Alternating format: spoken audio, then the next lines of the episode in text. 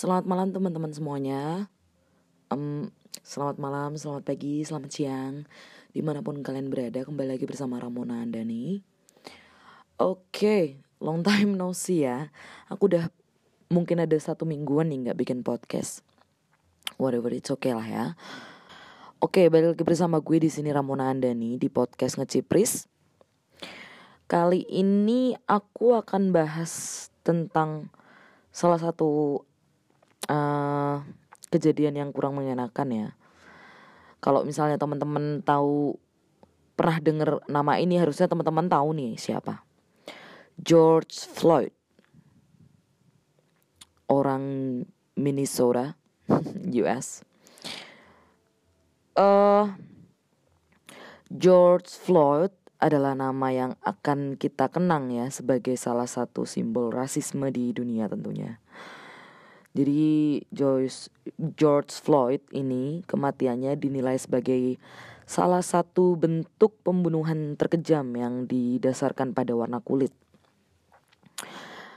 Dilihat dari kacamata apa pun sebenarnya we don't we are not deserve that. Jadi sih menurutku juga George Floyd ini he didn't deserve that you get killed just because your your skin color that you can choose when you come to this world. You get killed just because your skin color that you can't choose when you come to this world. No one can choose for have a blue natural eyes white skin black skin when you come to this world where are you born. No one can choose born from rich family, for example. No one can do that. So why you get killed by having a black skin? Why you get killed by nationality you have? No one deserves that. Some people scared for wearing hijab in US. Some people get sexual harassment, for example, just from what they wear or how the way they looks like in uh, some places maybe. There is never peace and safe place for people's life. Kenapa ya? Kenapa kita sibuk menilai seseorang itu dari asal mereka tinggal bahasa yang digunakan warna kulit yang kita miliki? Padahal banyak dari faktor itu tuh bukan kita yang milih gitu loh kan nggak bisa kita nentuin lahir dari ibu mana nanti lahir warna kulitnya apa nggak bisa loh. Itu kan bener-bener gift yang yang dikasih sama Tuhan gitu. Gak usah jauh-jauh ke negeri orang deh Gak usah jauh-jauh ngomongin George Floyd Yang sekarang jadi uh, Apa ya Pusat perhatian dunia Karena dampak dari kejadian itu tuh Sampai me, Sampai ada penjarahan di Minneapolis sampai ke sekarang ke New York juga sampai ke banyak bagian negara di US gitu loh. Gak usah jauh-jauh ke sana karena kita sendiri pun sebenarnya punya isu-isu tentang rasisme. Kalian aja banyak kok yang masih rasis kok sama bagian dari bangsa kita sendiri gitu loh. Pasti banyak, pasti ada lah di antara kalian yang gak mau temenan sama orang Papua mungkin atau ya general generalnya mungkin orang orang dari Indonesia bagian timur karena stigma masyarakat yang terbentuk di seluruh Indonesia ini seakan-akan bisa memukul rata satu culture, satu ras, suatu asal seseorang gitu loh. Pernah gak sih kalian ini yang suka rasis memberikan peluang mereka berkomunikasi gitu. Dengan kita bersosialisasi tanpa memberikan kesan penolakan atau nyinyir gitu atau pandangan-pandangan yang julid gitu. Banyak kok di antara mereka yang care friendly dan mungkin bisa jadi temen yang lebih baik dibanding orang-orang yang kalian anggap baik cuma gara-gara warna kulit atau asal mereka ya sadar sih kita hidup di antara banyak stigma sosial warisan yang sangat melekat. Tapi kan bukan berarti di kehidupan sosial kita makan mentah-mentah stigma tersebut. Knowing the person first before you decide to judge them maybe that's the most important things kayaknya deh. Personality itu nggak nggak banyak dipengaruhi dari mana kalian berasal dan apalagi warna kulit apa yang kalian punya. Habit mungkin iya, tiap daerah banyak sih membawa kebiasaan-kebiasaan khas yang akan melekat pada diri mereka gitu loh. Karena mungkin letak geografis juga berpengaruh.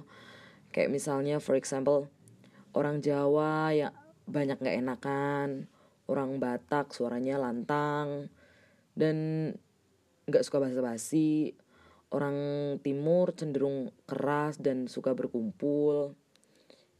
Itu habit yang ada di setiap daerah dan keragaman itu nggak bisa kita bandingkan mana yang lebih bagus dan mana yang lebih baik gitu loh. Mana yang lebih sempurna nggak ada. Karena ya emang beda aja gitu nggak nggak ada sama sekali yang perlu dan patut kita bandingkan. Semuanya baik kok asal tidak menyakiti orang lain jadi rasa humanity dan respectnya itu jangan sampai hilang dong. Masa kemanusiaanmu hilang saat ada orang Papua gitu ya diejakin disamain sama binatang. Kayak yang kita pernah alamin kasus di Papua yang bikin uh, eh kasus di mana ya tuh ya? Di Surabaya. Kasusnya di Surabaya. Tapi orang Papua pada demo habis-habisan sampai internet di internetnya di take down itu gara-gara mulut kalian gitu loh yang yang nggak bisa dijaga. Masa kamu nggak bisa respect sama orang Medan yang bi yang bicaranya kadang tuh lantang gitu keras? Ya bukan mereka tuh bukan marahin kita ya emang karena gaya mereka seperti itu. Masa kamu hilang respect saat misalnya kamu kunjungan nih ke Banda Aceh? Terus kamu kaget gitu? Karena di sana hukum yang ditegakin tuh adalah hukum Islam ya kan mereka punya khasnya mereka sendiri. Kita kan ibaratnya ya di mana bumi dipijak di situ langit dijinjing gitu loh. Cuma ya gimana ya? Namanya kita hidup di Indonesia beragam ya gak bisa dong kita memaksakan semua orang bisa ngikutin kita. Harus ada kompromis apa sih kompromis? Harus ada kompromi-kompromi yang kita lakukan gitu loh. Kalau misalnya kita mau hidup bersosial di Indonesia tentunya Kan menjadi Indonesia berarti harus bisa menerima keberagaman budaya dan segala macam yang ada. Dan jangan pernah mencoba untuk menilai sesuatu kaum atau menyamaratakan orang berdasarkan beberapa oknum tai yang kalian temuin gitu loh. Kalau semua orang itu beda berarti nggak nggak mungkin satu ras memiliki sifat dan hati yang sama. Banyak orang Ambon yang jadi debt collector mungkin ya di Jakarta. Tapi bukan berarti kesimpulannya orang Ambon semuanya galak dan beringas dong. Enggak, enggak dong. Banyak orang Batak jadi tukang angkot atau copet di Jakarta. Tapi kan gak semua orang Batak tukang copet atau angkot. Ada kok yang jadi lawyers. Tuh Hotman Paris contohnya. Kaya, pinter, jago. Jadi stop lah stop untuk mengeneral mengeneralisasikan kaum tuh hanya dari beberapa orang aja.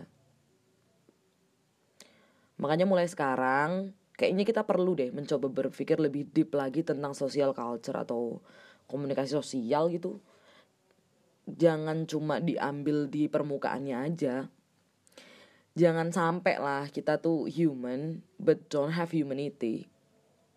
Itu itu justru keji loh. Intinya gitu sih. Jangan sampai kita jangan sampai yang terjadi di US itu terjadi juga di kita.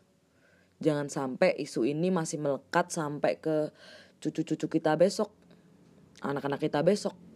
Karena ini adalah stigma yang sangat tidak baik untuk diturunkan atau dilanjutkan. Apalagi di era sekarang yang harusnya kita udah bisa lebih cerdas sih segitu dulu aja ya. Sorry sorry kalau ada banyak salah and uh, keep uh, happy and healthy. Bye bye